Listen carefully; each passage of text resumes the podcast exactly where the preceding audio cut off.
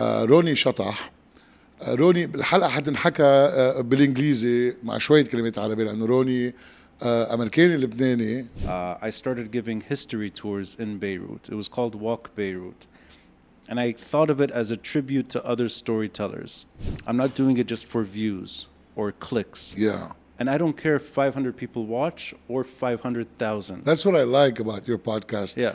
It feels that you're passionate about it I am not here because my father was assassinated.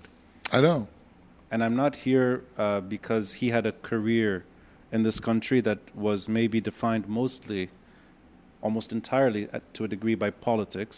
I think some, a sizable minority, uh, don't really understand why Lebanon is broken. why do you think lebanon is broken Okay, let's get into this. And this Yeah. will be a nice back and forth Yeah. with your permission.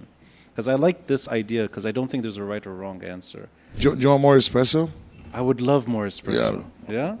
Does this stay in the episode? yeah of course okay so يلا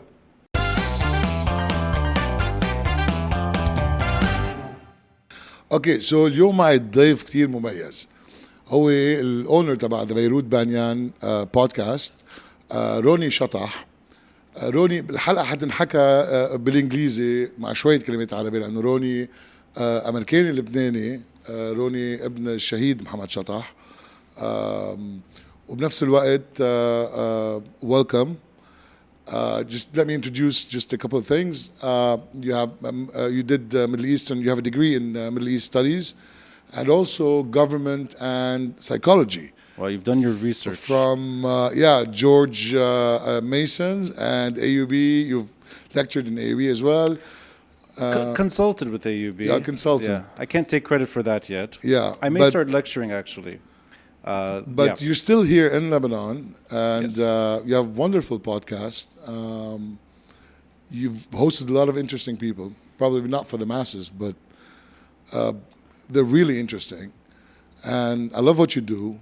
So let me start just asking you about the podcast itself. Like, how did it start? How did you decide that you know, you know what, I want to do a podcast in English for the English speakers? I'll start by saying, since I've done hundreds of episodes on my podcast and other outlets, it's rare for me to be a little nervous. Yeah. And I'm a little nervous today Why? because I'm sitting in front of a master. Habibi, no. I, I've watched you for years. Uh, you've been in this type of industry now for what the better part of maybe 20 years. Yeah. And we're the same age. it's true. But I, I do get a little a little nervous when I'm talking to somebody that I deeply admire. Thank you so much. And I'll start by saying it's not because you're doing a podcast. I think now thousands of people are doing a podcast. Behal Balad. Yeah. Anyone is doing a podcast today. It's not that. It's that you have something under your belt that I admire. It's satire. Yeah. And that's not easy to do. Well, not anymore now because we're so polarized and everyone is just, Yeah. is- yeah, they get, they're sensitive. We have a sensitive audience. And plus, you know, we have the angriest uh, uh, people uh, as of the report that, uh, that came out that we are the angriest nation on earth. Right. Or, yeah. Us and the Iraqis. And the most depressed, us and the Afghanis. Alhamdulillah. Yeah, we're doing yeah. all right. but satire is what takes somebody, I think, through both pain and politics. Yes. And it's a creative way of doing it. So let me expand on that. Uh, I think all of this type of work, whether it's satire and CNN, or you did MTV's first podcast, which is now I'm part of their podcast. Yeah. It was called On Air. And Yeah. you did it the more traditional way with the headphones. That's the way I like it. I think that's the way it should be. Yeah. Uh, I think storytelling is the background word. Uh, so you can do a podcast, you can do anything, I think, in this world of storytelling. And my journey begins there. It doesn't begin with a microphone. And a long, long ago, ب 2005, uh, I started giving history tours in Beirut. It was called Walk Beirut. And I thought of it as a tribute to other storytellers. Storytelling is, I think, also a loose word, so you can play with it. Uh, a storyteller could be Ziad Doueiri, a filmmaker, True. and he was the first guest on my podcast. Uh, a storyteller could be Kamal Salibi, an author. I Author, used to actually live in one of his old rental buildings in Oh, Ras really? Beirut. I'm friends with his nephew. Actually, Kamal Salibi is the only person in this country who showed me his ikhraj Eid with his religion removed. And He's one of the first. One of the first, yeah. So to me, he's a storyteller too. Um, my tour was a tribute also to recent storytellers that I thought should be remembered permanently. And one of them was Samir Kassir. Hmm. And I used to end the tour at his statue next to Martyrs Square, trying to bring that kind of storytelling back to life. That's a long time ago. So, in the last almost two decades, I've tried different ways of storytelling. And I think podcasting, because technology is cheaper, because it's easier now to do this, and you don't always need a camera. You could do it still audio format only. Uh, I rely on this format to to engage people I respect, and sometimes to debate people I respect. And I don't necessarily debate people that uh, I disrespect, and I don't want to engage people I don't care for. I'm lucky.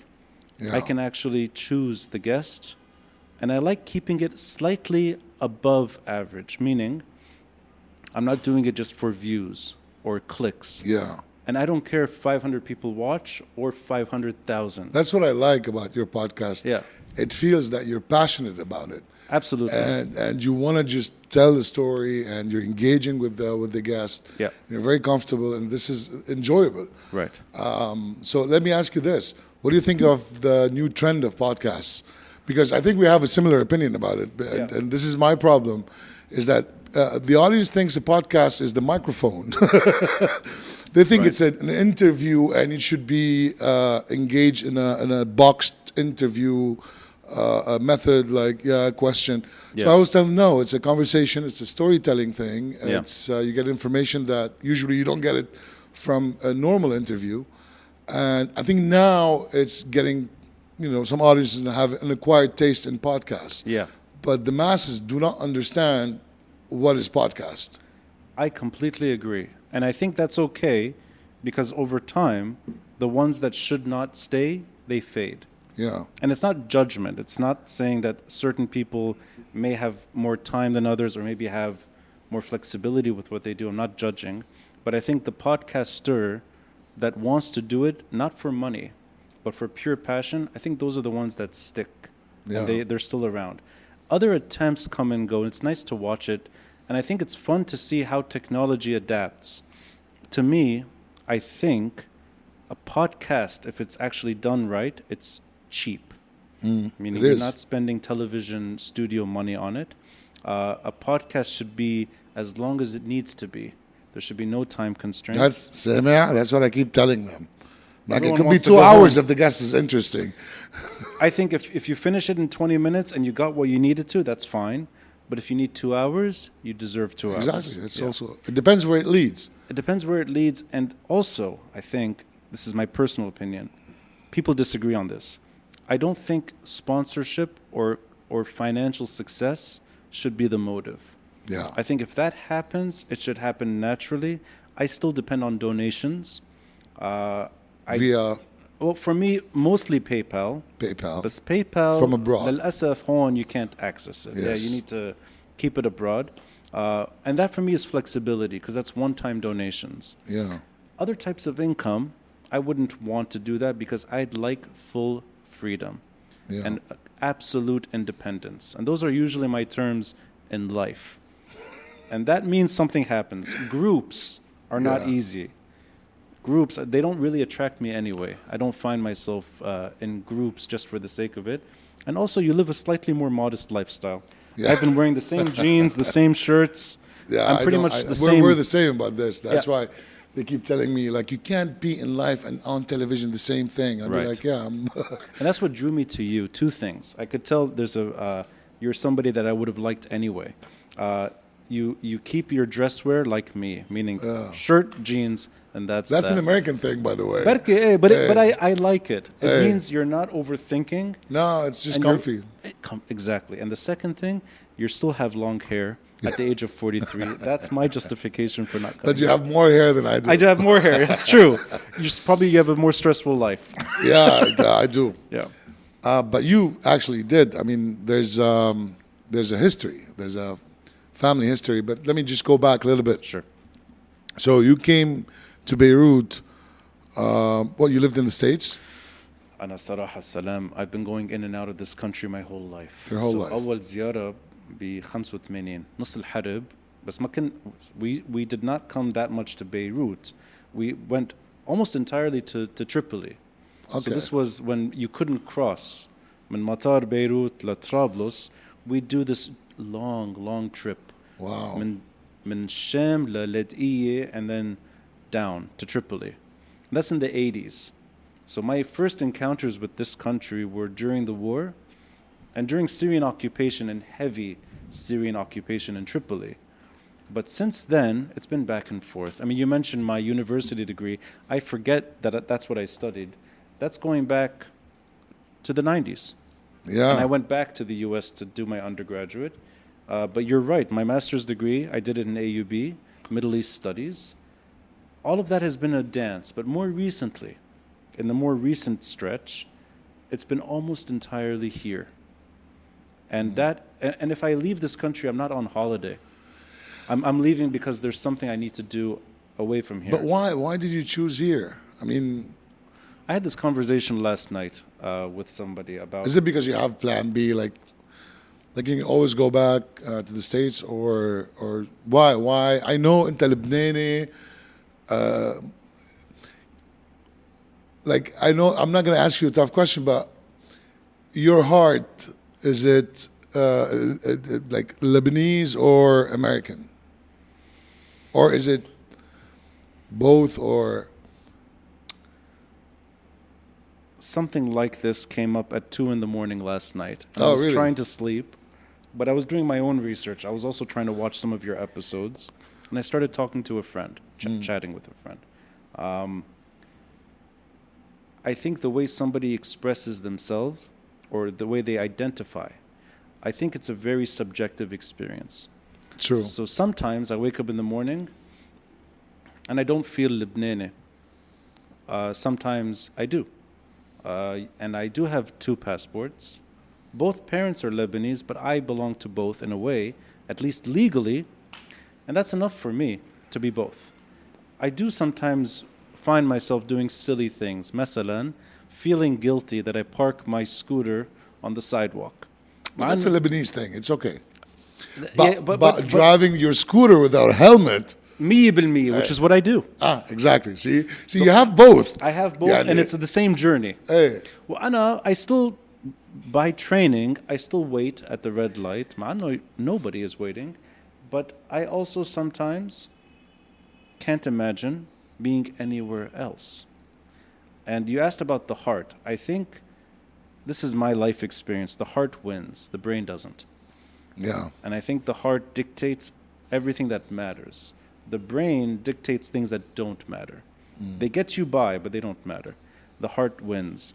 My heart, for whatever reason, it beats better in Beirut. yeah. I, I, I can relate. Yeah. And I actually wanted to say that I uh, last night the conversation was me trying to trying to suggest uh, that all of us are in this situation in different ways.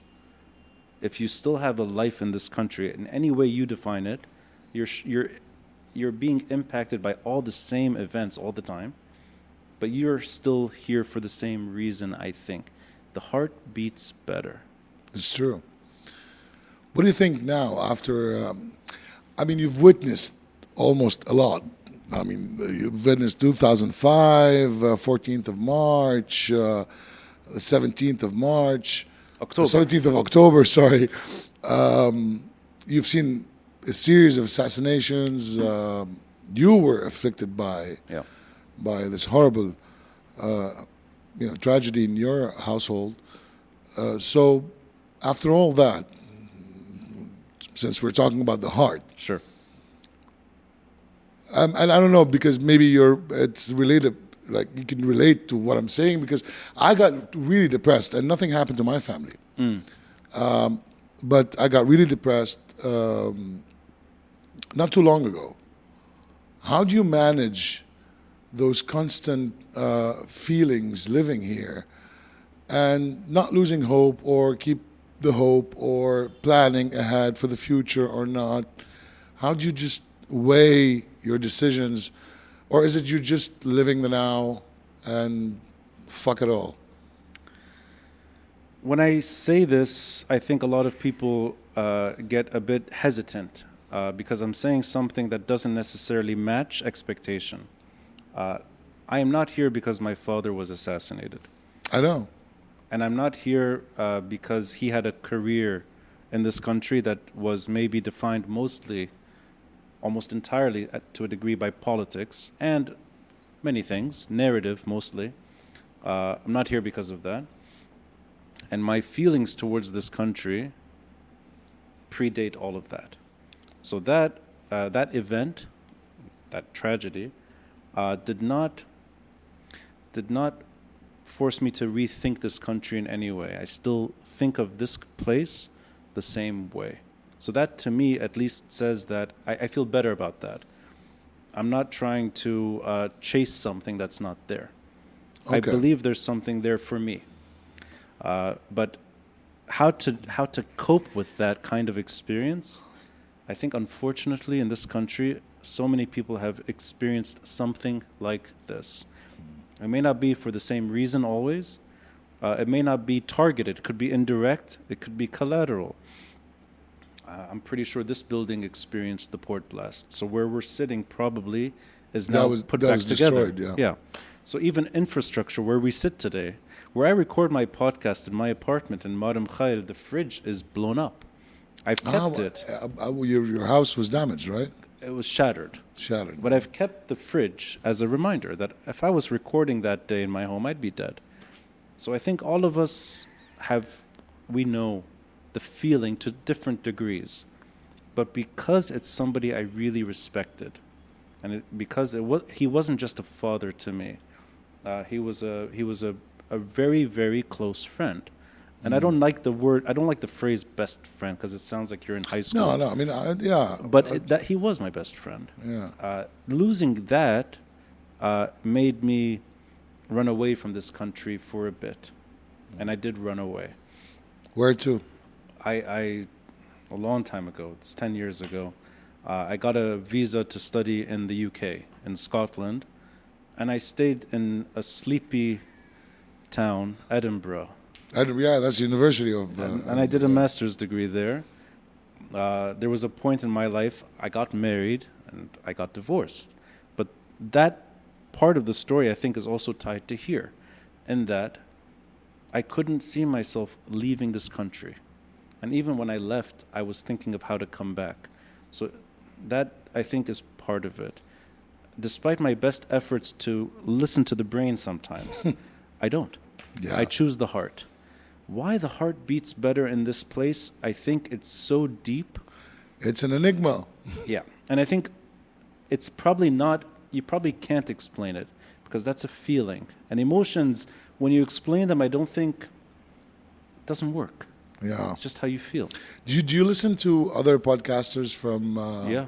Who do you listen to? Oh, uh, I mean, in Lebanese scene or all, No, j- uh, everywhere? uh, abroad. I do listen to Joe Rogan because course, he's the most everyone- listened to, and I want to know why this guy is who he is. So I do, and I, I do sometimes like the guest, so I want to engage. So depending on the guest, yeah. yeah, but there's certain hosts I listen to, like Lex Fridman. Lex Fridman. Yeah, Exactly. My favorite. Hey. I actually enjoy Lex Fridman. It's because he's more academic Yeah. in his approach and he has a stoic approach. He exactly. he says it uh, uh, and this is actually what I like is that I do not know uh, everything. Yeah, And that's why he keeps questioning. He wants to know. He's like a sponge. Yeah. He wants to, you know, to know more information. And I like that. And this is what I'm trying to do: to just meet people, uh, uh, you know, ask questions, get Yeah. to know them, get to know behind the story. And this is what I like. Joe Rogan is just a bit more, is relatable to anyone. For me, watching Joe Rogan could be like watching a boxing match. It's it's fun, it's engaging. Yeah. But I don't know if I need that all the time. Yeah. Lex Fridman really to me is a scientist. He is a scientist. Scientist, yeah. But he talks about things that I, I like to talk about.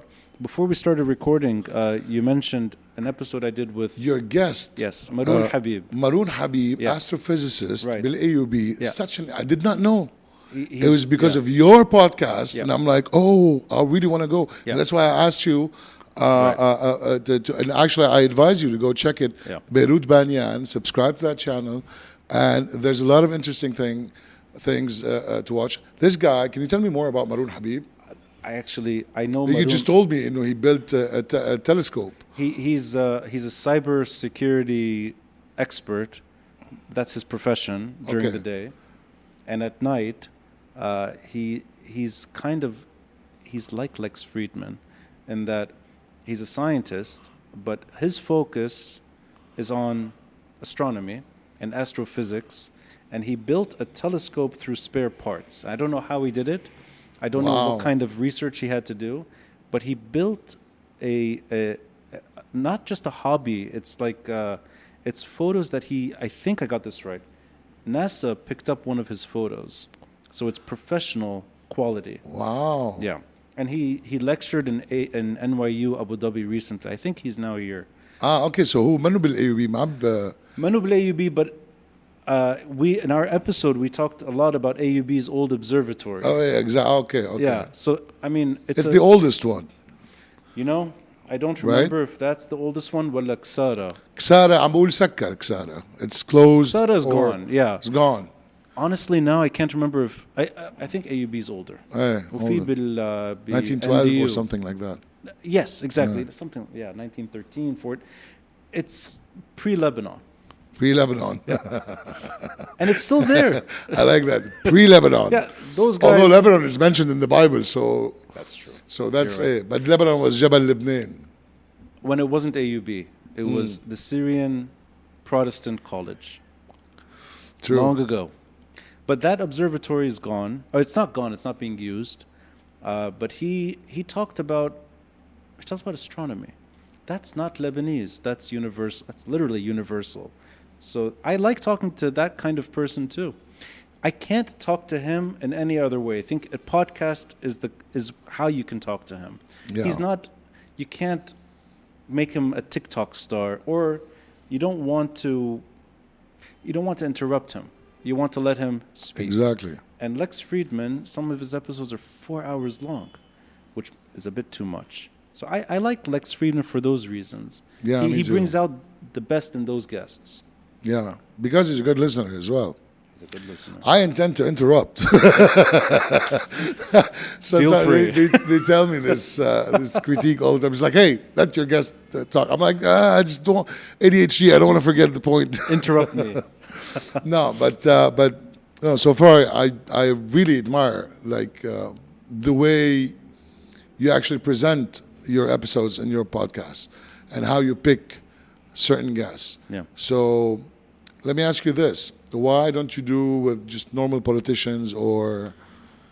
For better or worse, since I started, half of the episodes have become political.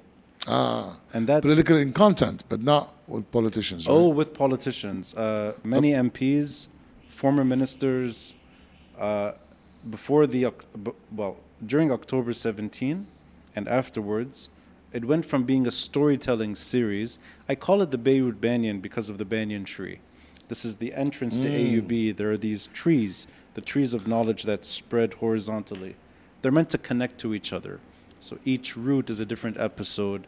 They're meant to be stories that you can relate to and they link.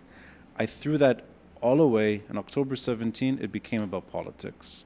But May 2022, during the elections, it was entirely politicians yeah. from civil society to the ruling crowd we know. So, So- yeah, So, what do you think about um, the people that won, the new MPs that won the elections? And what do you th- what do you think of their uh, performance? it's a good question. Uh, maybe after I answer, I'd like your opinion as well, because you probably know them as well, if not better than me. Um, I'll give you one example of somebody I think they'd be okay with me talking about them. I did at least five episodes with Najat Aoun Saliba. Mm, هلا she retired. Well, she She retired from her uh, uh, protest. yeah, she went home from she the went home. parliament. Yeah. but she uh, she said something. إنه لبنان برات التاريخ والجغرافيا. Right. Yeah. So let's use her as an example because I think she represents many things. to me, this is not a politician. This is a chemist from AUB who's who's a successful academic, uh, who enters politics, I think, for the right reasons. I don't think they're bad intentions. I think it's actually only good intentions, and runs as a opposition change candidate, but really trying to shake things from within. And she wins. She wins alongside someone else who maybe is slightly more adaptable, Mark Daou, but I think she's the better example because she's new. Mark mm. at least ran in 2018. I think Mark has probably wanted to be in politics from his days at AUB. So He he's more understands the game. yeah, and maybe his career is older in politics, so he has maybe different expectations. Najat is fresh, and she looks different. She looks different than most Lebanese politicians. She dresses different. Uh, she talks in a different language. And to me, that's okay. You want to let that person try, and she wins. I think the year and a half of her when until today, everything that happened to her is exactly why politics is paralyzed in Lebanon.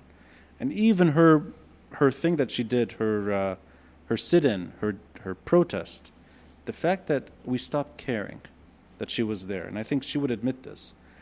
And the fact people, it's not because people didn't want to check in, it's that people lost interest. And the fact that she goes home with words that are important, but the fact is she loses that stunt. That, that, that moment is not hers. I don't blame her. I Oh, don't no. think it's because she's a bad person or, for that matter, incapable. I think anyone trying to do something like that today, completely paralyzed. Mm.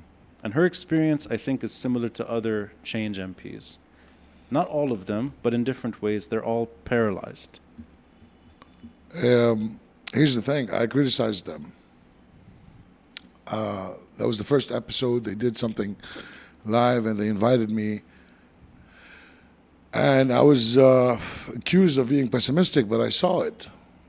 Um, because we're in media and we're strategists and we know Yeah. sometimes these things just don't get a, a, attraction from from and people lost interest. Yeah. everyone was concerned about how they're just going to survive and live and so uh, plus i have a theory that the middle class when we lost the middle class um, we lost the intellectual movement we lost um, a lot of uh, uh, the political uh, drive to change because these people just left the country after the 4th of August explosion. Yeah. So I thought it was a bad read from them. I was just criticizing. Um, they took it the wrong way, but but I do appreciate like they're trying to be honest. But this is not an honest game. So so I don't know if they were playing the players or playing the cards. You know, I think uh, part of the reason I, I like podcasting is also because you can get into narrative and you can suggest reasons for why things move in certain directions. I think some, and it's not just them, I think it goes across the political spectrum. I think some, a sizable minority, uh, don't really understand why Lebanon is broken. And I think they, they may think it's for reasons that don't necessarily match what happened. And Why do you think Lebanon is broken? Okay, let's get into this. And This Yeah. would be a nice back and forth, Yeah. with your permission, because I like this idea because I don't think there's a right or wrong answer. I think there's uh, two stories, and I would guess maybe half the population at any point feels like it's one of the two. We could never agree. Yeah, but in I- Lebanon, you could never agree on the same narrative. But I think the same person can reach both roads in this story. Do, you- do you want more espresso? I would love more espresso. Yeah. yeah? Does this stay in the episode? yeah, of course.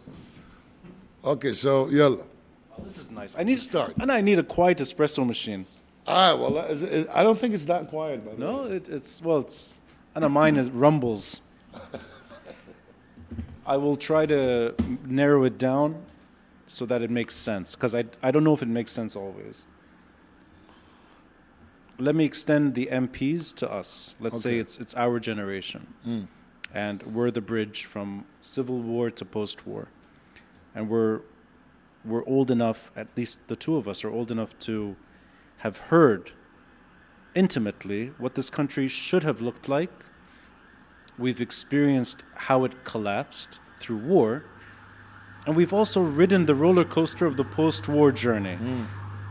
which can really be summed up as both s- some prosperity at certain stages and immense despair and tragedy.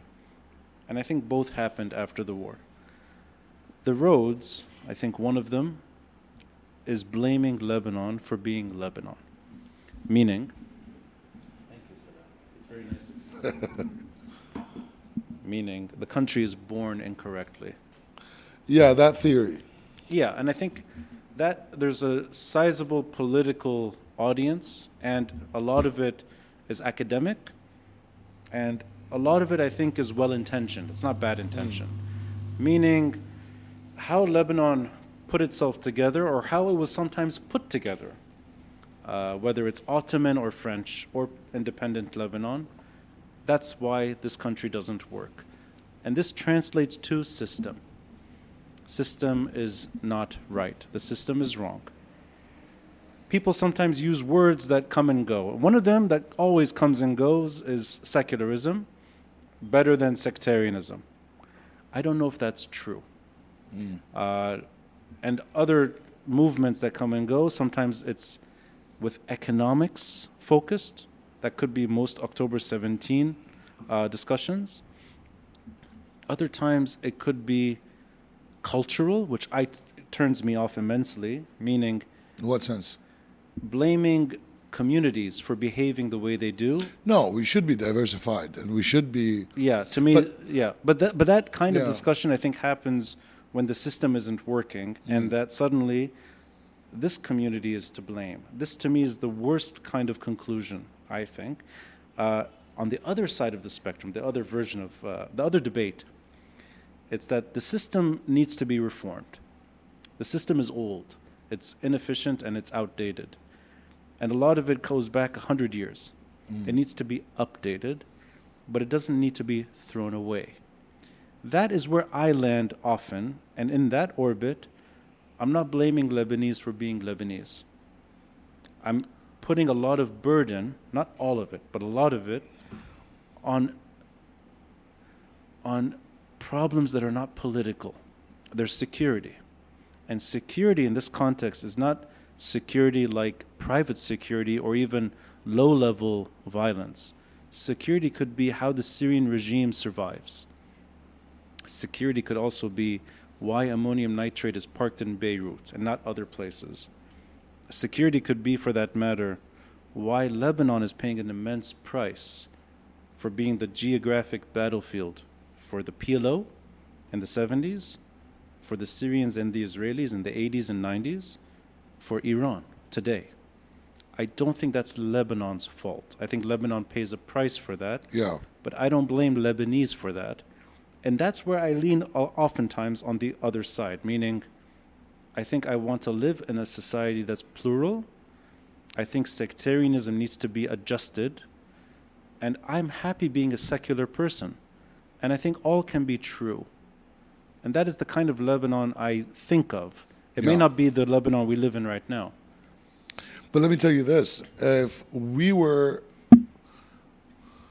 teenagers, and uh, because because what happened with the Palestinians and PLOs, and uh, Yeah. well, we were not born yet. So no, we were. I mean, we. Um, I mean, no. Let's say in 74, 75, when they first when they yes, started. yeah, yeah, yeah. Let's say we were 15. Would you, knowing Lebanon, uh, سيادة, uh, Yeah. and uh, Lebanon أولا, and Yeah. would you have chosen the Muslim side or would you have chosen uh, uh, uh, the Lebanon, the Al-Kataib and the Uwait. Uh, yeah. This we're is defending also, basically. Yeah, I, I think uh, I think a lot of expectations have shifted over the last 50 years. The 50 years going back to 1970 yeah. when the PLO first arrived. And that there's a time in Lebanon's history, and, you, and what you're alluding to is right. Hada uh, Gamal Abdel Nasser was a prophet to half the population. I talked to my dad about that, by the way. Oh, okay. Yeah. Because he was, when he was young, he was uh, a Nasri. yes. Qawmiyin, they were nationalists. Hundred percent, and maybe the other half, to depending on how you look at it, maybe even until today, uh, Bashir Gemayel is a prophet too. So Mm. let's say these things are part of history and they're real. I also think that a lot of communities, even though they lean on that, they don't feel like that always. And I'll, I'll make it simpler. Two examples can happen, and both happened roughly at the same time. Kataib kids in the 1960s are more obsessed about sports and Yeah. scouts. Those same children can grow up and shoot at Yeah. their and neighbors. they did, yeah, they did. Uh, and they could even turn against people that they played the same sport with and not realizing that the guy that they're playing with is going to be their enemy in six, seven years. To me, that means you're not born wrong. mm, The same kids can end up fighting each other or playing with each other. And this happened in Tripoli, a city that tore itself apart, but Kataib had sports centers in Tripoli where people played sports with each other. And then you have suddenly people getting dragged around and their corpses are being dragged on the streets.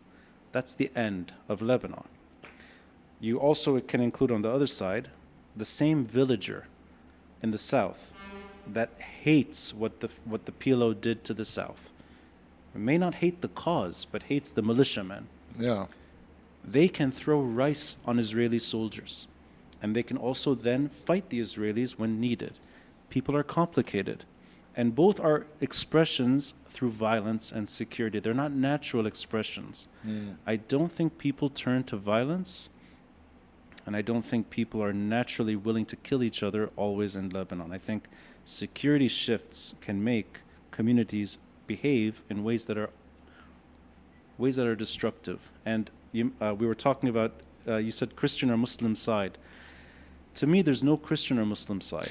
it wasn't before, by the way. When I when I asked people, Yeah, uh, there was no. Uh, later on, it developed into being Muslim and Christian. It was before it was just left and right, and Yeah. uh, and people with the cars, and then Muslims felt like they're second class citizens, so Yeah. they were like, ah, sure, go ahead and do whatever, and then they regretted it, and then yeah, So there's a lot of confused feelings. Plus, this is what I do with historians usually when Yeah. I sit down and talk to them. It's like, how can we explain to the audience the context that was in Hmm. uh, when events happened? So Yeah. you need to explain what type of context. Like I said with my dad, I'd be like, how how did you accept like you know, like other foreign uh, a militia coming Yeah. into your country and then and he explained like what he saw and how he felt and and then you start understanding oh well, because when you think about it now you don't want any foreign militias Yeah. on your land you Yeah. want your country you want your government you want you know you, you, you, have, you have this sense of belonging so you need to protect it for you and the family future generations yeah. so that's why we need to ask ourselves the, these questions, and we need to ask, you know, the elderly as well, Yep. as like what they went through compared to our generation. I think if I was a teenager, the way you asked earlier, and the Civil War begins, I probably wouldn't want to be here. Mm. Because then I'm being put in two camps, and neither one fully explains how I feel. And because there's civil war, it's not one militia, and other communities are just sort of handicapped. If it's an all out war, and it's no longer clear who's right or wrong over time, I would probably leave. I'd find a way out. Going back to the first question, Yeah. Um, or just answering what you said, Lebanon is broken. So Yeah. why is it broken? Because we're hung up. Uh, we still did not. Um, we, we were not honest with each other about the past, or we're still hung up in the past, or is it just the system? So I know it's all of that, but now there's a couple events that happened, and it showed that no, there's still a lot of hate and that actually broke my heart because our generation we don't have that hate we don't have that sectarianism or that uh, meant like we judge and and people for just whatever they're no, we'd like to analyze, we like to see things into context. So when I see even the younger generation now, plus there's no right education since 2013 14 so this generation is all just uh, uh, they're absorbing sectarianism, and their parents are still hung up in the past. Mm. So, do you think that's part of why Lebanon is still broken? Would it be fixed, or would it be just Lebanon, the services and the resorts, and Ta'ashar Mana, the best parties? No, that is Somalia. That is Somalia. Somalia has uh, uh, autonomous reason, uh, regions that do well in tourism. There's a part of Somalia that's doing okay ah, economically. part of Somalia Yeah, that to me is the worst ending to this country. Do you think we're heading there? I think we're we're two generations removed from where the breaks really began, the, the cracks. And I think today, even when you're trying to step away from how to look at the system, let's say, or how to reform it, over time it becomes pointless as a result because Lebanon died. And borders don't change. It's not like the country's borders will ever be redesigned. I don't think that's possible. And there will always be different communities living together, and there will always be a city like this one. And I think Lebanon as a as a as a as a geo- geography is going to be with us, but the Lebanon I think that we aspired to is dead, and I think that died a long time ago. Attempts at bringing it back to life, or maybe trying to bring a version of it back to life after the war, which is our generation's experience, I think that died too. So, what Lebanon looks like later, I don't know. It may not be the country I identify with, maybe.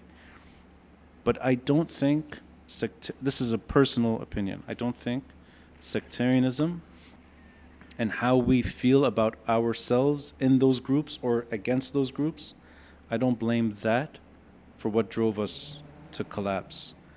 And I agree, I grew up in a country, and this is maybe a shared experience, where to me it's the almost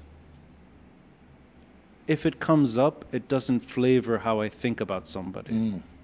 So i can watch somebody i can listen to somebody when i know what their sect is it doesn't remove anything from it it just adds But that's just you. I agree, and I think that's the comfort also of being a bit maybe limited, in that I was younger as well, and I was maybe more idealistic. And I think now, at the age of 42, 43, I do have an appreciation for the weight of that. And Yeah. yeah. Why countries break and why they die and why they are trying, why you try to resuscitate it, all that. I think it's impossible to live in a governable Lebanon when there are security problems in this country that have nothing to do with Lebanon. I think it's an impossible ask. Uh, we lived under Syrian occupation. We know what it was like to protest against the Syrians. We also know it took 15 years for the Syrians to leave after the war. That's a generation.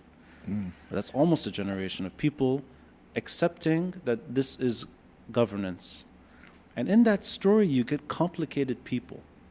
Complicated. And I think that's the word to best describe Rafiq Hariri.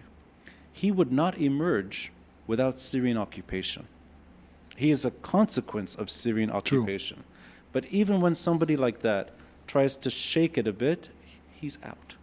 And that is part of the story in that security concerns bring up characters with all their baggage, they can't get far. If you go further, since 2005, I can't think of one person that tried to do the right thing, sincerely tried to do the right thing, and is still with us. Yeah. I can't think of one. And I add to that, what I can see happening is the permanent acceptance that Lebanon is ungovernable. And you end up with a situation where it doesn't really matter if there's a president or not. It doesn't matter if there's a vice govern- uh, central bank governor or not. And maybe over time, maybe, it doesn't really matter if the Lebanese army commander is competent or not. I think there's a situation where we can adjust to that, and we're there slowly. No, I think with the army, no. I think that's that's the last line of.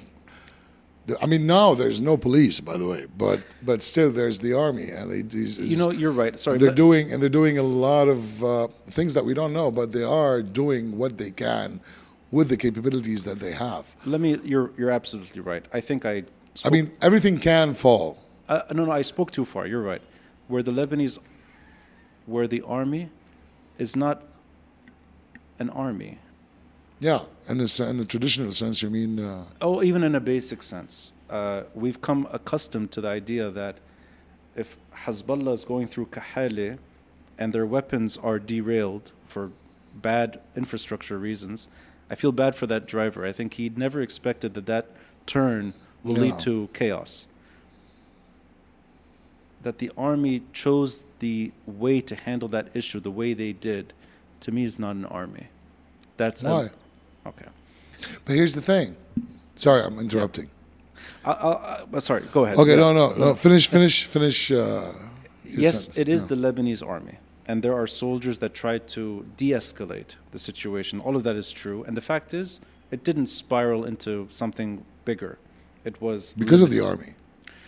because That's of what I'm trying to get to. yeah because of let me let me try to step back a bit you and i have accepted that there are weapons that are not the armies being transported all the time that's kind of what i'm Yeah. talking about meaning yeah. there are always weapons moving around lebanon that are not the armies.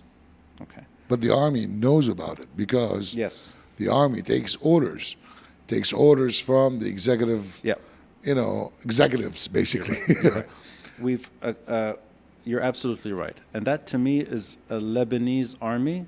That the word Lebanese evolves over time. It means that this is not the army that maybe I would best hope for in a governable state. It's the ungovernable Lebanon's army, in that it's accepting weapons being sent from probably Syria through Lebanon into a refugee camp. But you know, vis- sorry, sorry, Yeah. vis-a-vis a sub-state army Hmm. that the sovereign army is catering to for reasons that have more to do with Lebanon as it exists right now, not as armies behave. I know, I know, I see what you mean. Yeah. It's true, but that's Lebanon. That, But that's here's the yeah, thing. yeah. Here's the thing. When I asked uh, people in the army, it's like, like. By the way, it could have escalated way much more because people wanted to destroy the weapons, and a catastrophe could have happened. yeah, But then he's like, this thing is protected by البيان الوزاري اللي عملوه قبل. So, so even when they confiscated the weapons, um, القضاء just could have just issued that return the weapons. And Yeah. he, he would have just yeah, and that's shameful. That's what you're talking about. that, that's the But he could have not done anything else. the the fact okay let me let me say it to include what you what you hinted at earlier. In the 1970s the lebanese army's role expired. The lebanese army no longer played the role it used to play which was being the sole sovereign security force in the country. The lebanese army and literally that's how the war evolved.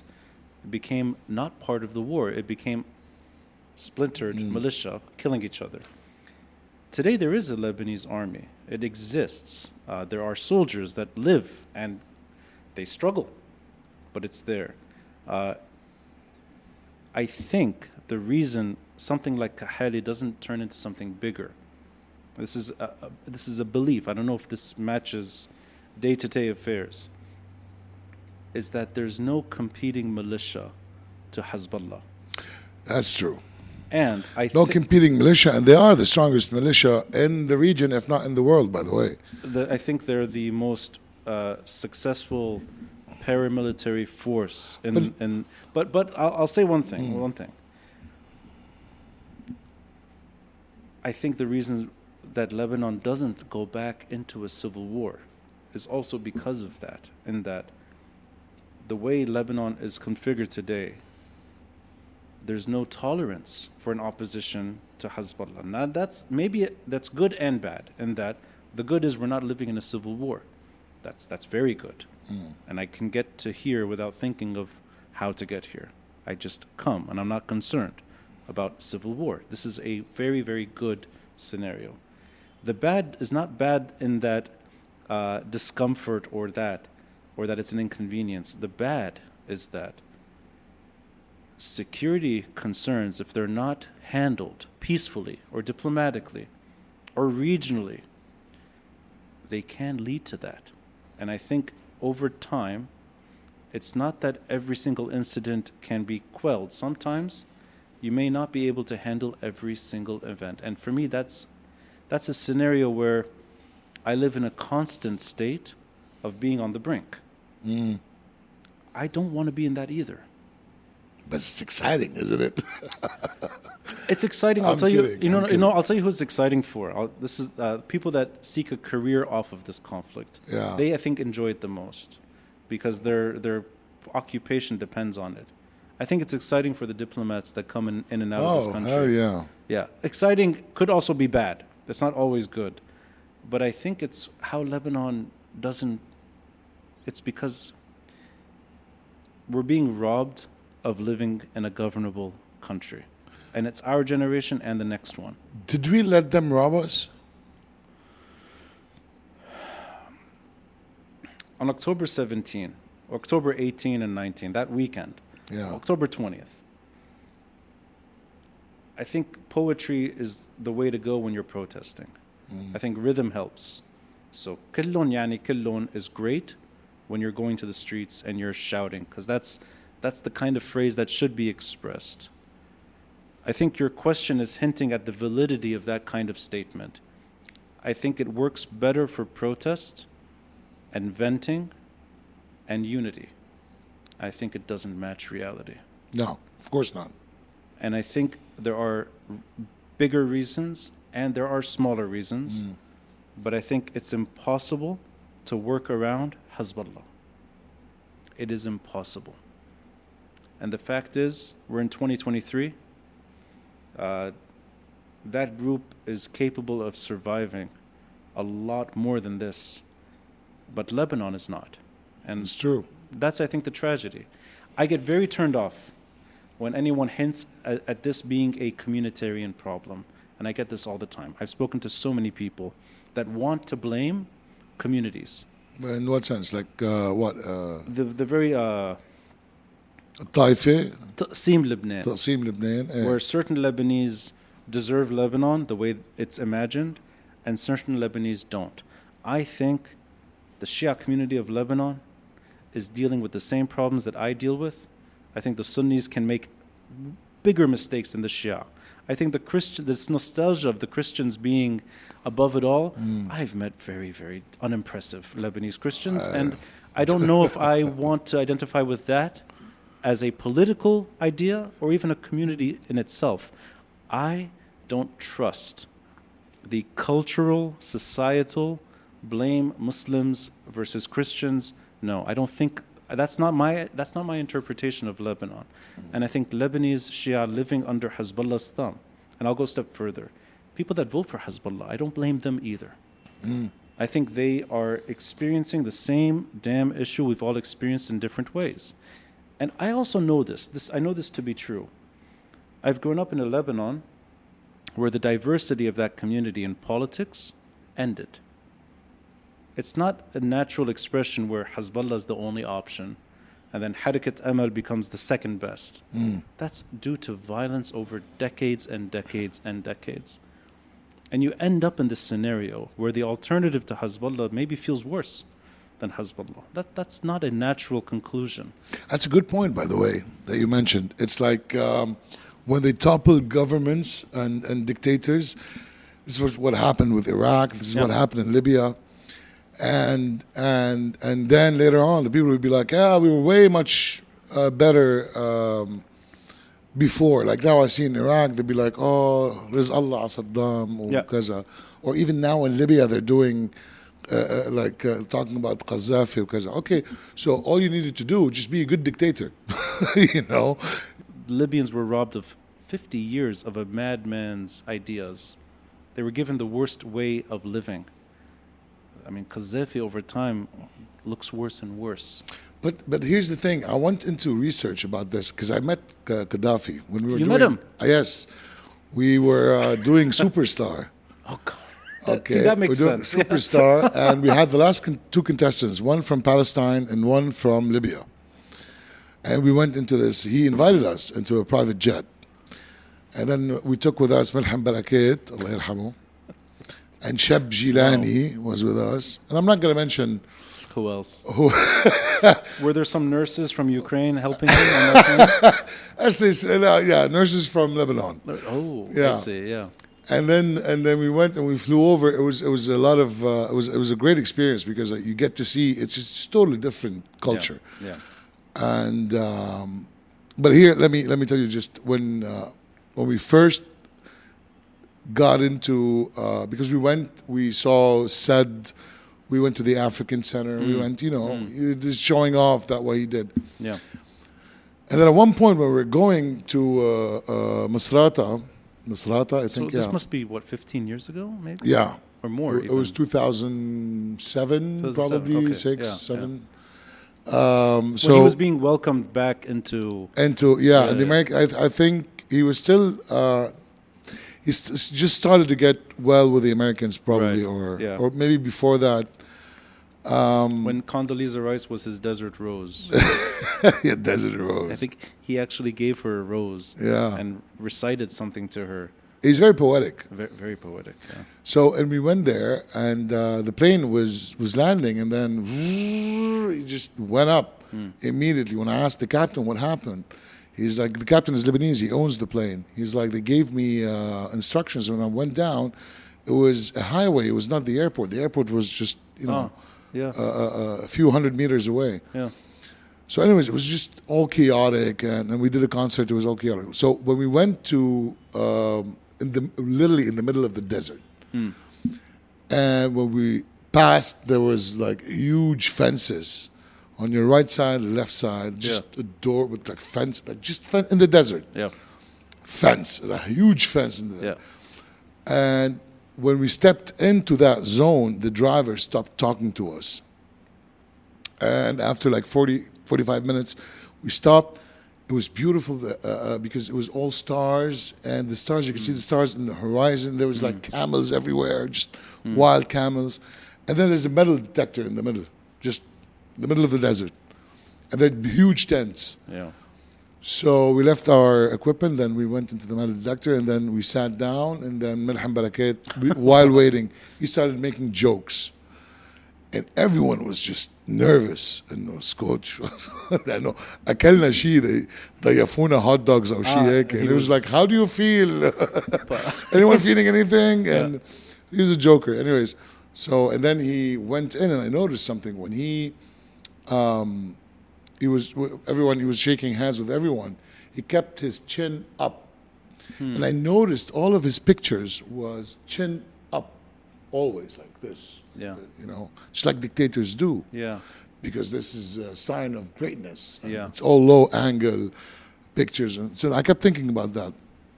Then he sat down he came in with a, uh, uh, sabot and I, uh, it's like uh, uh, like you know when you put your uh, uh, um, your feet just right away like without even fixing Yeah, yeah, yeah, yeah. yeah, um, and he had a T-shirt with African presidents, Mandela and whatnot. And then he sat down and he gave us a speech about Palestine. And they're like, "You guys are singing and doing blah blah blah, and Palestine is being." And we're like, "Yeah, but this is." Hey, That he was his- suggested that. hey. And then we met Mahbouba, his bodyguard was very interesting. Uh, so I kept thinking about that, and uh, and then they gave us information about how every household. Uh, they give them uh, they give them uh, uh, a mezut, uh, um, coupons for you know welfare things. He took care of the people, but not enough. but it was, you know, it was stable. That word stable. Yeah. May I interrupt? at No, this of moment? course. Yeah. that word stable, I think, is as problematic to me as, as any any uh, w- the positive spin that destroys a country. But that's that's what people tell me usually. It's like, eh, بدك آه، بشار الاسد يطير وكذا ليك شو حيصير بسوريا مثل Right. العراق So or this حيصير بكذا بد- مثل yeah, But usually, when you change regime, there's anarchy. yeah, This is what happens usually in any regime change. there's anarchy, and then you have you choose the regime. But in geopolitics, they take that into consideration. That's why they deal with dictators because it's stable. See, that's in Yeah. geopolitics. I mean, no, no, you're you're right. And his version of stability uh, was, and I think he he he's like many dictators in that he's charming in his youth. He's a young renegade soldier who overthrows a kingdom. I mean, that in itself is an impressive Yeah. accomplishment. And the same kind of character, 50 years later, half a century, his whole mission is stability. And stability means keeping him alive, yeah, keeping power. power. And stability, and I'll, I'll take it back to Lebanon. Stability is exactly what Hafiz used to say. And they're here to stabilize Lebanon. Bullshit. Sorry if I, I don't know if I'm Yeah, yeah, to- no, it's okay. You can do. Yeah. You say Uh, whatever you want. stability to keep the Assad regime going. Stability also is what Saddam used to say, hatta Mubarak until he was removed. And I think Sisi is probably adopting the same language in different ways. Stability is also the worst diplomatic mission Lebanon has dealt with, in that now, hatta, what's his name? Yves Le Drian. Le. Drian. Le eh. Drian. and not just him, it's not about him, but anyone that comes to this country today, they think the mission is stability. Yeah. They want to stabilize a problem.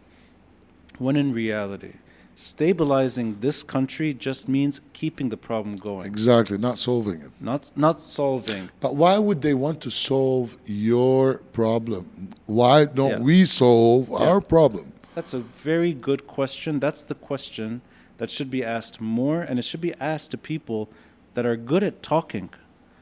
Politicians, all of them, تغيير, معارضة, تمانية azar, whatever you want, whatever exists right now. They they they say things and they don't answer that question. I think it's a very valid question. If you want to solve a security problem in Lebanon today, and solve it meaning end it, you have two choices. You either persuade the source to think that this is not in their interest, and that means persuading Iran to let go of Lebanon. That's a huge ask. That's probably an ask Iran doesn't want to entertain anyway, hmm. and maybe they would not listen. But that's a huge burden, in that tell the source their investment is no longer needed. 45 years of Hezbollah, 40 years, it's over. That's one route, and that's diplomacy. Mm. That's something that hasn't happened. It's been attempted. The other route is the unfortunate route, which is you ask Lebanese to deal with a security problem. That's security against security. That's war. There's no other version of it. There's no political chance of ending a security situation. There are attempts at reforming things that have nothing to do with it. And that comes to somebody comes to mind always. Nasser Yassin. Hmm. I don't think his day to day life is impacted by Hezbollah. And I trust this man in that I know kind of where he comes from. I think his intentions are good. But even in that situation, his his accomplishments are limited. But maybe he can do a few things here and there. Recycling stations, maybe some pollution levels can be moderated, maybe. Maybe a few trees can be planted. That to me is not an accomplishment in the big sense. That's cosmetics on the periphery of the problem. That should not be a goal either. And that should not be the best that we can do. And that's that, that's the accomplishment. I, I think that's that's bogus. But that's really that's the I mean the answers are there.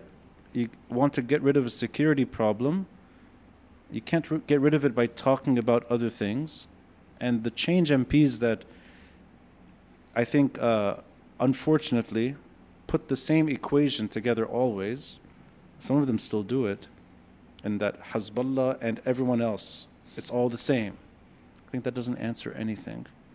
That actually absolves them from responsibility. Mm. And that to me is not how you address issues. And I don't, I, it's not to make it personal. It's not like the more pure you are, the worse you are. I don't think that's true.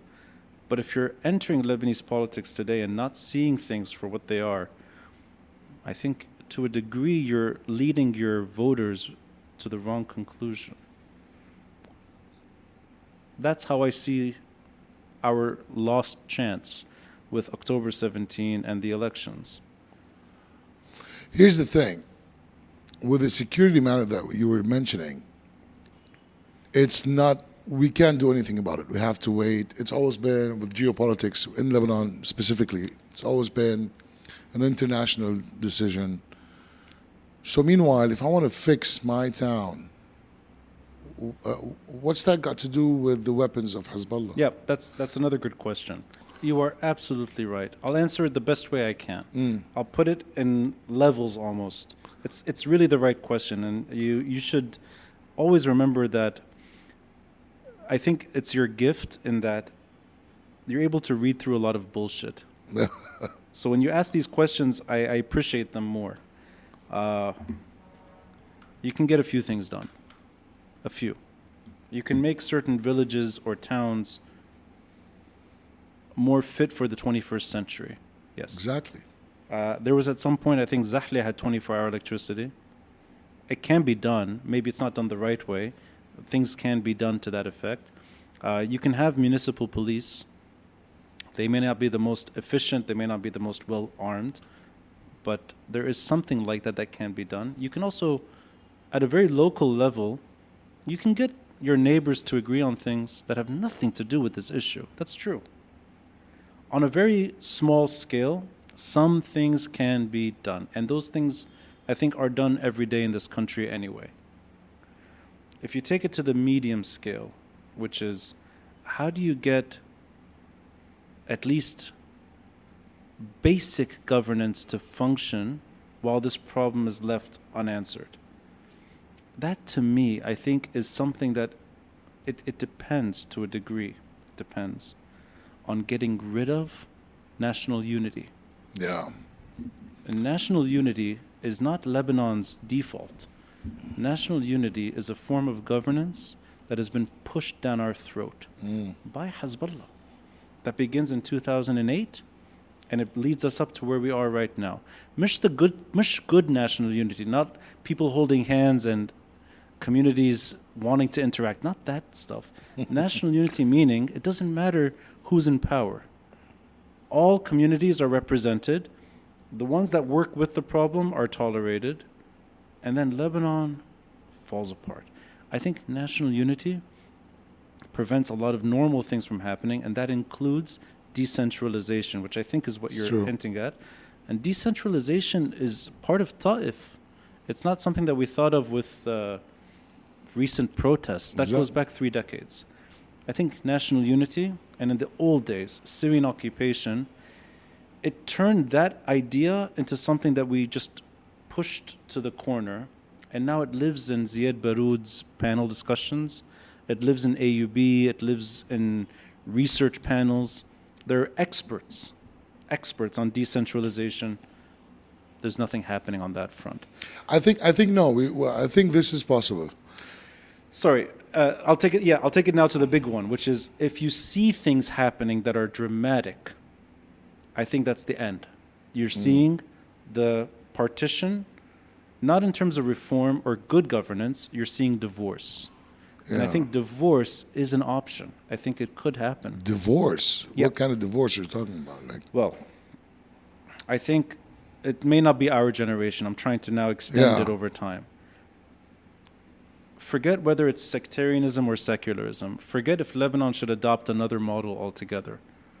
Forget how it functions at the end of the day. You still need a functioning state. yeah. And even the more, uh, let's say you want to go so eccentric that Lebanon is no longer the way it exists, you still need something you can count on. You need some level of accountability. So all of that is really academic right now. But I think as long as Lebanon is paralyzed, ونحن now we, we live in a failed state. Almost, yeah, failed state. Yeah. An aesthetical also uh, uh, situation. So, You, you, before we started recording, everyone we talk about is not here. Hmm? That's why Lebanon succeeds, is when those people are here. And if they're not here, we're not succeeding the way we should. Uh, I think if you drag this out long enough, I can imagine uh, communities that, the way you're describing it, they don't want to deal with this anymore. They don't want to think about Hezbollah, they don't want to worry about Hezbollah. I can imagine a security agreement with Hezbollah that lets certain communities govern themselves. That to me is not the country I want to live in. yeah. That's that's worse than that's that's worse than uh, partition. That's we go our separate ways, and that's the end of Lebanon. Yeah, we shouldn't do that, by the way. I think that could happen so long as these problems are put to the shelf. And I also want to say something. I don't blame people for wanting it. There's this um, in our circles. Yeah. Actually, you know what? I'm going to take an advantage to do Actually, this with you. I'm going to read something that you wrote. I brought it with me, and our circle, I think, is is this. I have it screenshotted. I'm quoting you to you. Oh, a satirist by default, leftist in human rights, Republican on crime, socialist in prostitution. I like that one. I don't even know what that means exactly, but I like it. Liberal in total, and a realist with vivid imagination. I, Yeah. I, I live in that world, and I like that bio. Thank you. I also like you don't follow anyone on Twitter. I no, actually, my account got hacked recently, four months Oh. ago. I don't know. I follow people. You follow but, people, oh, but once the blue tick was, uh, uh, they took it. Yeah. uh, I got hacked from some somewhere in California, and I've been Uh-huh. trying to get my account back. Oh, I see. Um, so you lost your followers too. Uh, I know I kept my, I lost like four or five thousand, Okay. Yeah. uh, but uh, but but suddenly there's no zero following. Yeah, okay, so then I, I, Yeah. I like I, I thought I had respect and that you couldn't care less. I usually usually I did I Right, used to yeah. do that like I didn't follow. Yeah. I, I don't know, but then I got into because I want to follow people. Like I want to know. I follow everyone like Okay. from all sides because I want to know. I- That's it. It's not because oh you don't think we don't think politically the same, so I'm not going to follow you. No, I don't care. I'm just I want to know. I want to see what you have to say. I want to Yeah. listen. I want to discuss, and that's my problem now. yeah, Is that um, I really want to sit with everyone yeah, even with uh, uh, uh, like I'd like because we were talking about common friends that say like you don't you know talk to Hezbollah people and Yeah. but I'm like no we should even if I know it's not going to get anywhere yeah. but we should always keep the conversation going In those conversations, I'm drawn to that kind of biography Yeah. because it makes sense to me, in that you're a, you're an accepting person, but you're also a realist to a degree. But that doesn't ruin your imagination. exactly So this complicated person is what I'm drawn to. thank you by the way for no, for I, checking that I, out I like that, and also, I can say that I don't blame somebody for feeling a certain way. So this is what I meant earlier. We, our circle, we tend to be a bit rude towards uh, the more defensive, more insecure Lebanese identity. I think, which is how many Lebanese Christians feel. yeah trust me I'm married to one You're married to one. There you go. I don't like to blame them for feeling the way they do. And I, I don't like to tell them if that's right or wrong. It's none of my business. How they feel is exactly how they feel with or without my concern. But I can see a de facto situation where that community, as it shrinks, and it shrinks in not it's not just demographics, it, it shrinks in its long term role in Lebanon Mm. as it fades, I don't blame anyone for wanting to protect what's left. I think that could turn into divorce. I don't necessarily want it to. Uh, and actually, I think the mission should be to preserve what's left. exactly that's what I mean Yeah, we should all feel responsible to preserve Yeah. because even Christians they are part of the identity of that country if not the region and their contribution to this country is immeasurable.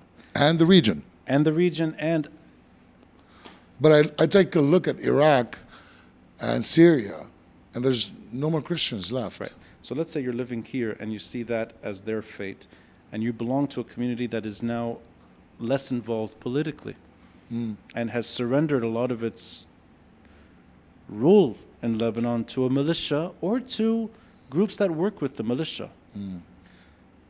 I don't blame how they feel, but I don't want that to be the ending. If it ends like that, I wouldn't blame them. I would actually goes back to your earlier question, which is I don't blame us for not doing more. No, I think we did exactly what we could given the circumstance. It feels like you don't blame anyone. I blame if I were to put burden. Let's start with ourselves. No? If there's accusation, it's to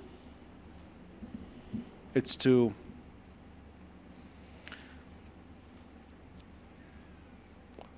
It's that saying, when I was young, I was smart, I wanted to change the world.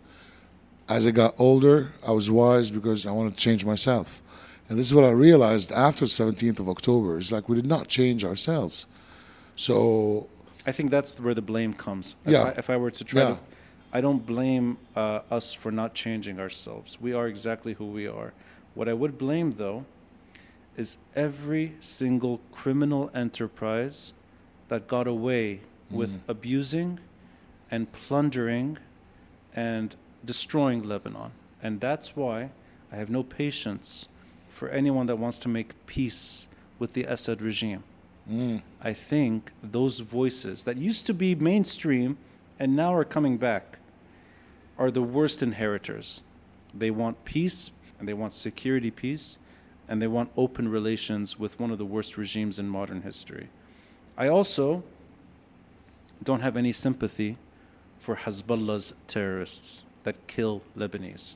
I have sympathy for Lebanese that vote for this group. Politically, you can talk about Hezbollah as much as you want. But when it comes to murder, and murder that has been accepted as part of Lebanese history, yeah, unfortunately. this to me, there's no, I, I have to blame that. I don't want that in a Lebanon that I live in, and I deal with it all the time. We all deal with it in different ways. And I have blame that goes somewhere a little deeper. Uh, anyone working with that problem today, whether it's for their own job security or whether they're looking for compromise that hurts Lebanon long term, they should be blamed. If they're lying, they should be called out for it too. And if anyone today is accepting of those terms, it means they're part of the wrong side of history. I could blame them comfortably. Okay, can I ask you, uh, it might be a sensitive question. Sure. Um, who do you think murdered or assassinated your dad? So this question I get asked every day. I know. I know. Every day, and I, I, I didn't. I'm. Yeah. I know, but but see, that's why because you mentioned a lot of things, and I know where you come from. So I'll, I'll give you a more recent example. I was swimming بأنفي لحالي بج- بالبحر. This happens a lot. أنا بكون I'm, I'm swimming alone. uh, Somebody swims towards me and wants to talk سياسي and I start swimming away from it. وأنا بوصل على الشط, people are still there. you They can you can swim away from that question, but No, no, no. I'll, if not no, the no. who, then the why. No, no. I'll, I, I let. Um, this December will be ten years since that happened. Uh, so that's what is that? Ten times three hundred. Is that three thousand? Three thousand, yeah. Thanks for helping. Just add a zero. AUB. Yeah. Watch it not be three thousand. that sounds right. But did they come and tell you? No, but like- let me let me. Okay. That's three thousand days of living with this question and having an answer. Uh, it's I don't think, and I'm I don't need to think. It's that I know, and and knowing the truth sets you free from a lot of things. You know. I know. How do you know? in this man's career, from his entry into Lebanese politics and anything else he did, uh, he was in no one's crosshairs Mm. other than one group. For me to speculate other people's intentions means I'm denying the truth. And I don't need to do that. Uh, and I mentioned this in several different, uh, t- whether it's TV or podcasts or even interviews.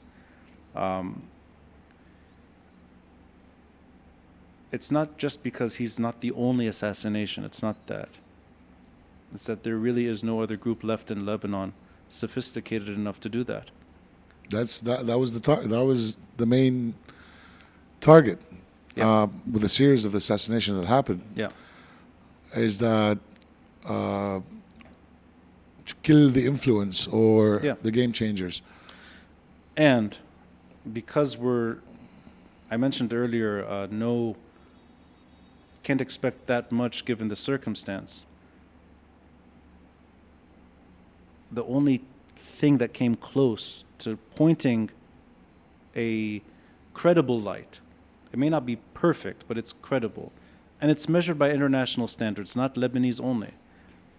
The fact that there is a report that indicates political reasons why many assassinations took place and attempted ones did as well from 2004 to 2005. Mm. That's the whole 10 year tribunal experience. The fact that their information is there and the fact that there are names listed too and the fact that we can't arrest them as well, I think speaks to volumes of what happened. So I'm, uh, I'm, I'm more than fine with, uh, with knowing who did it. Uh, and the why?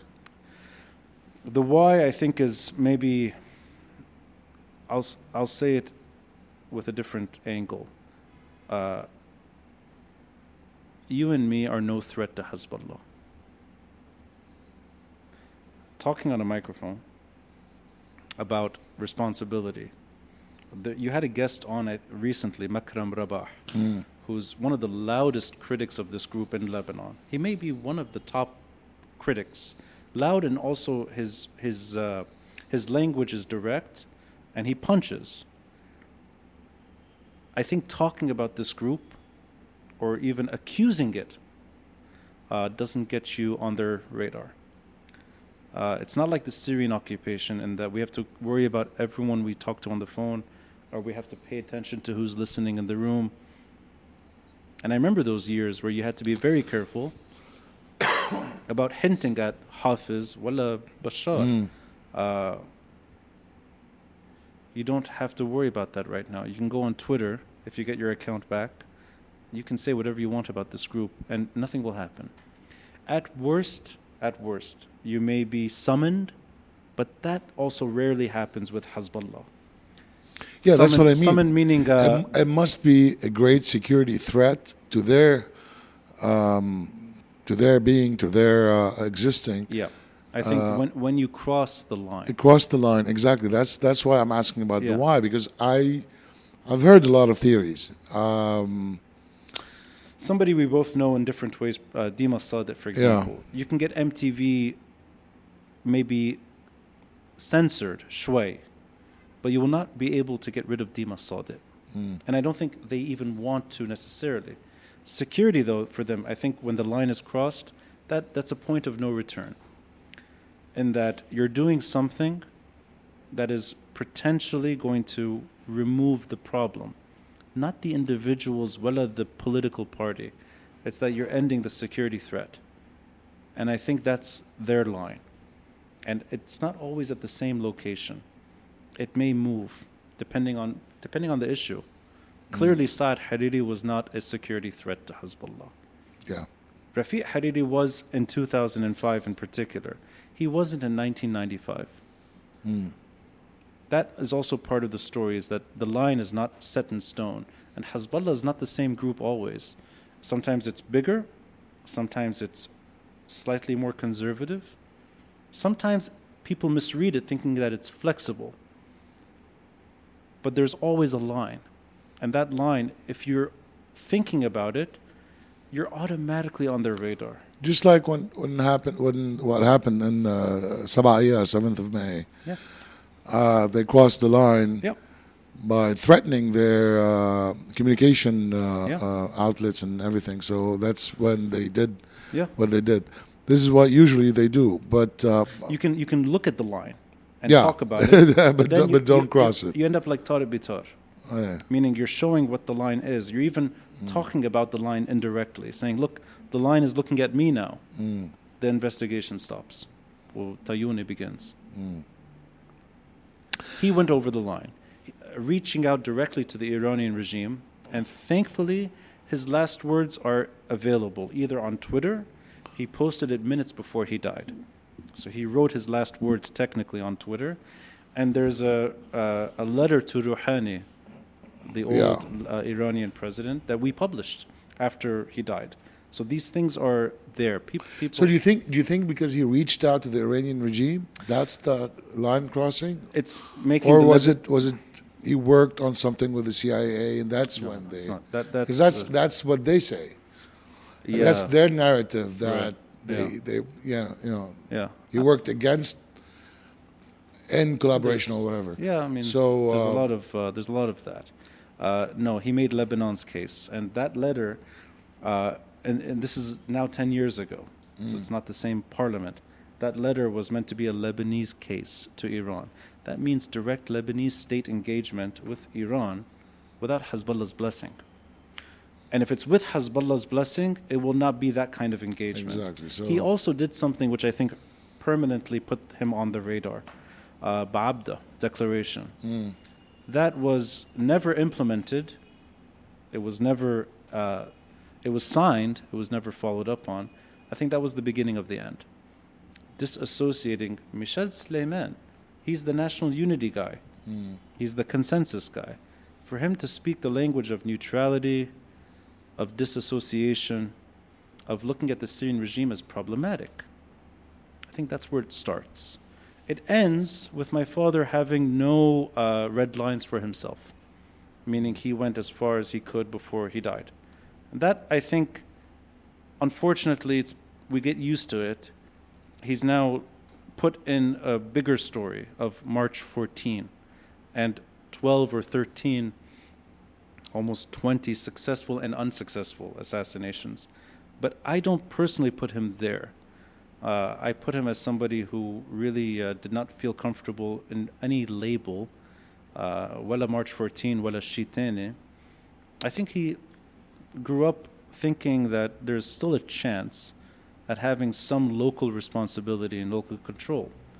And then he died in his 60s, uh, realizing that it's impossible with Hezbollah. Mm. I believe that too. Ten years later, I'm convinced that we can live in this country, but we will not live in a governable country so long as this problem remains. Well, this has been interesting. On that note, um, I, I really want to thank you. I've, I've enjoyed um, having this conversation with you. I wish it was a bit longer, but next time we do a podcast, we'll, my independent podcast, yeah, sure. we'll talk for just many hours. And you're going to Um, be an upcoming guest. I'd like to talk to you as well. I'd, I'd love to. yeah, it I'm would be my pleasure. I'm honored. Thank you so much for coming, Salam, thank you. and I hope to see you soon.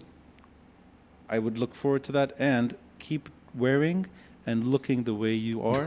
it gives you. me inspiration to stay who I am. Let's be slackers. So. I, I don't mind. Thank, you, so much, Ronnie. Thank you, Good sir. to have you.